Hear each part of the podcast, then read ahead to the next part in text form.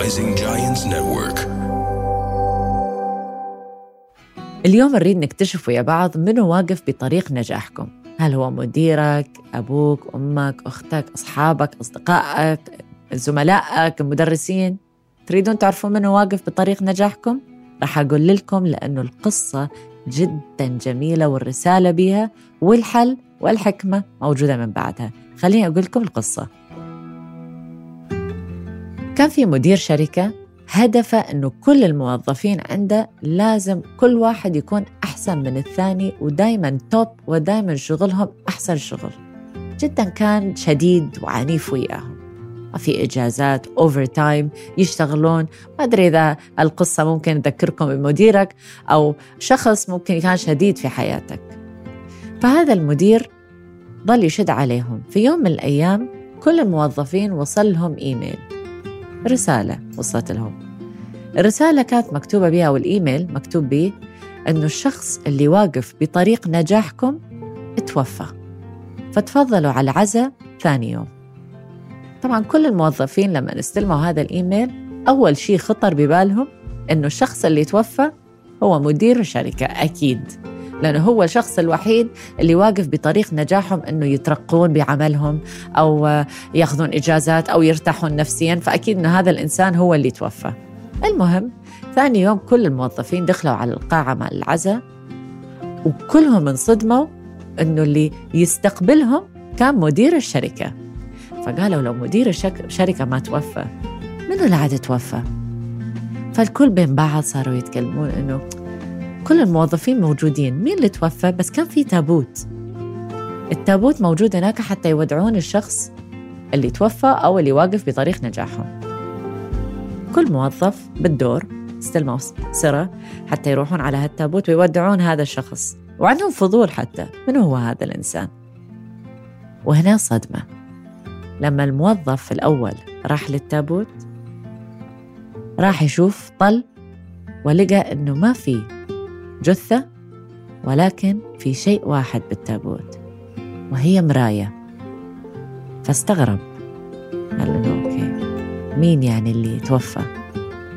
إجا الثاني. نفس الشيء. استغرب. وواحد ورا الثاني وكلهم صاروا يستغربون والصوت صار عالي بالقاعة. وإجا المدير واستلم الميكروفون وقال لهم أكيد أنتم مستغربين إنه ليش في مراية بالتابوت ومش جثة ومين هو فعلا اللي توفى؟ قالهم المدير بجملة واحدة اللي هي حكمة. قالهم اليوم حبيت أعلمكم درس.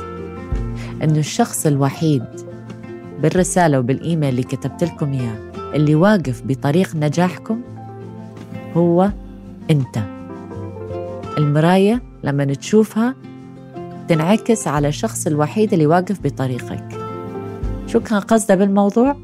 اخذوا لحظة وفكروا بالحكمة. هسه أعطيكم الحل.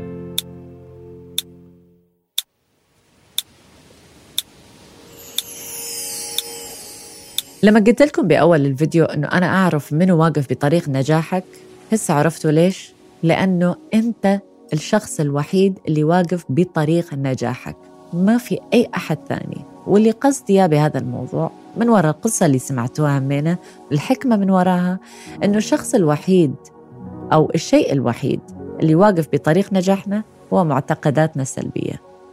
لما نقول أنه أنا ما أقدر أترقى لأنه مديري آه، يخوفني أو مديري واقف بطريقي هذا معتقد عندي يا وهذا المعتقد محددني إني أنجح وأستمر في حياتي وأتطور في حياتي. فلما أفكر بطريقة إنه أنا إنسان ما أقدر أنجح.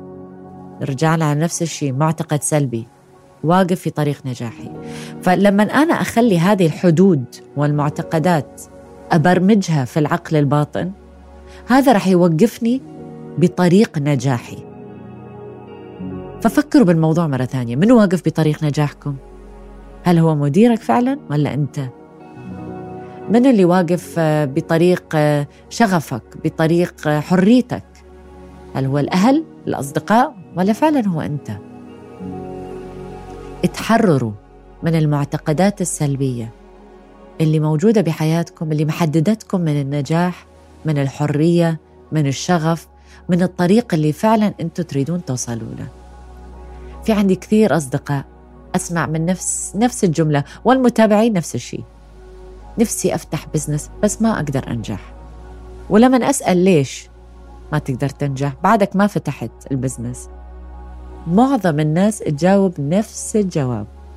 لأنه حتى أفتح business محتاج فلوس ومحتاج هذا ومحتاج كفيل ومحتاج ومحتاج ومحتاج. حطوا كل الحواجز قبل ما أصلا يفتحون ال business بحيث أصلا ولا جرب. فالإنسان إذا يريد يجرب أنه يفتح مشروع أو يدرس دراسة معينة شنو ما كان. أخذ أول خطوة قبل ما تحدد كل الحواجز وأخذها خطوة بخطوة. ولما تجي الحواجز اتعامل مع حاجز حاجز. مش تفقد الأمل وتحط كل الحواجز والفكرة تكون طايرة بالهواء ويجي غير شخص ويطبقه لأنه هو اللي يطبق فكرة أنه ما راح أخلي المعتقد السلبي يوقف بطريقي. فإذا تريد فعلا تنجح بحياتك هذه الحواجز كلها. ذبها بالبحر هدمها وأخذ خطوة بخطوة بطريق نجاحك. إن كان في عملك إن كان في شغفك إن كان في دراستك وشنو ما كان الفكرة أنه تريد أنت تتبع بحياتك للنجاح امشوا بهاي الطريقة. اليوم لما نريد نفتح مشروع معين صرنا إحنا في زمن شبكات التواصل الاجتماعي ممكن الفكرة تطبق اونلاين وإذا تطورت هذه الفكرة ونجحت هذه الفكرة ممكن بعدين نفتح شركة بعدين نطورها بس إذا الفكرة بحدها ما أخذت هاي الخطوة وطبقتها شلون راح أوصل؟ شلون راح أنجح؟ وإذا أنا موظف بالشركة وخوفي من اتجاه المدير هو اللي محددني إنه أنجح ولا أنطق ولا أتكلم ولا أقول أفكاري منو اللي واقف بطريقي؟ أنت اللي واقف بطريقك لأنه الخوف اتجاه هذا الشخص هو اللي محددك أنك تتكلم وتعطي أفكارك.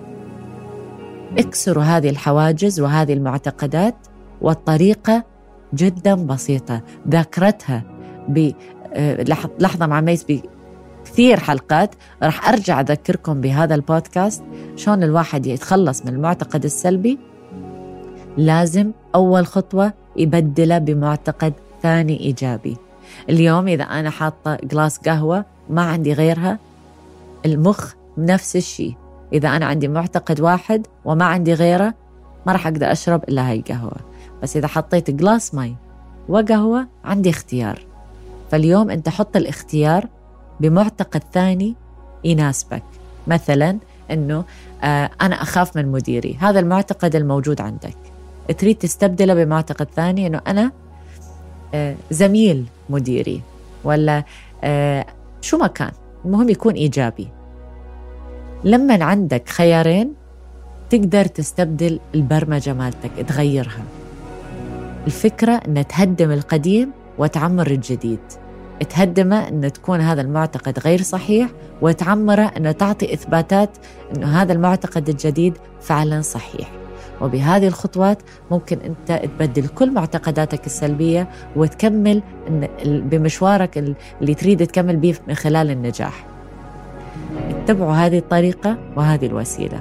واكتبوا لي بالتعليقات اللي جوا شلون ناسبتكم هاي الطريقة وإذا فعلا من بعد هذا الفيديو راح تاخذون الخطوة حتى تنجحون أكثر بحياتكم أكثر ما أنتم أصلا ناجحين. أحبكم. هذه كانت قصة اليوم. في لحظة مع ميس. أشوفكم بالقصة الجاية.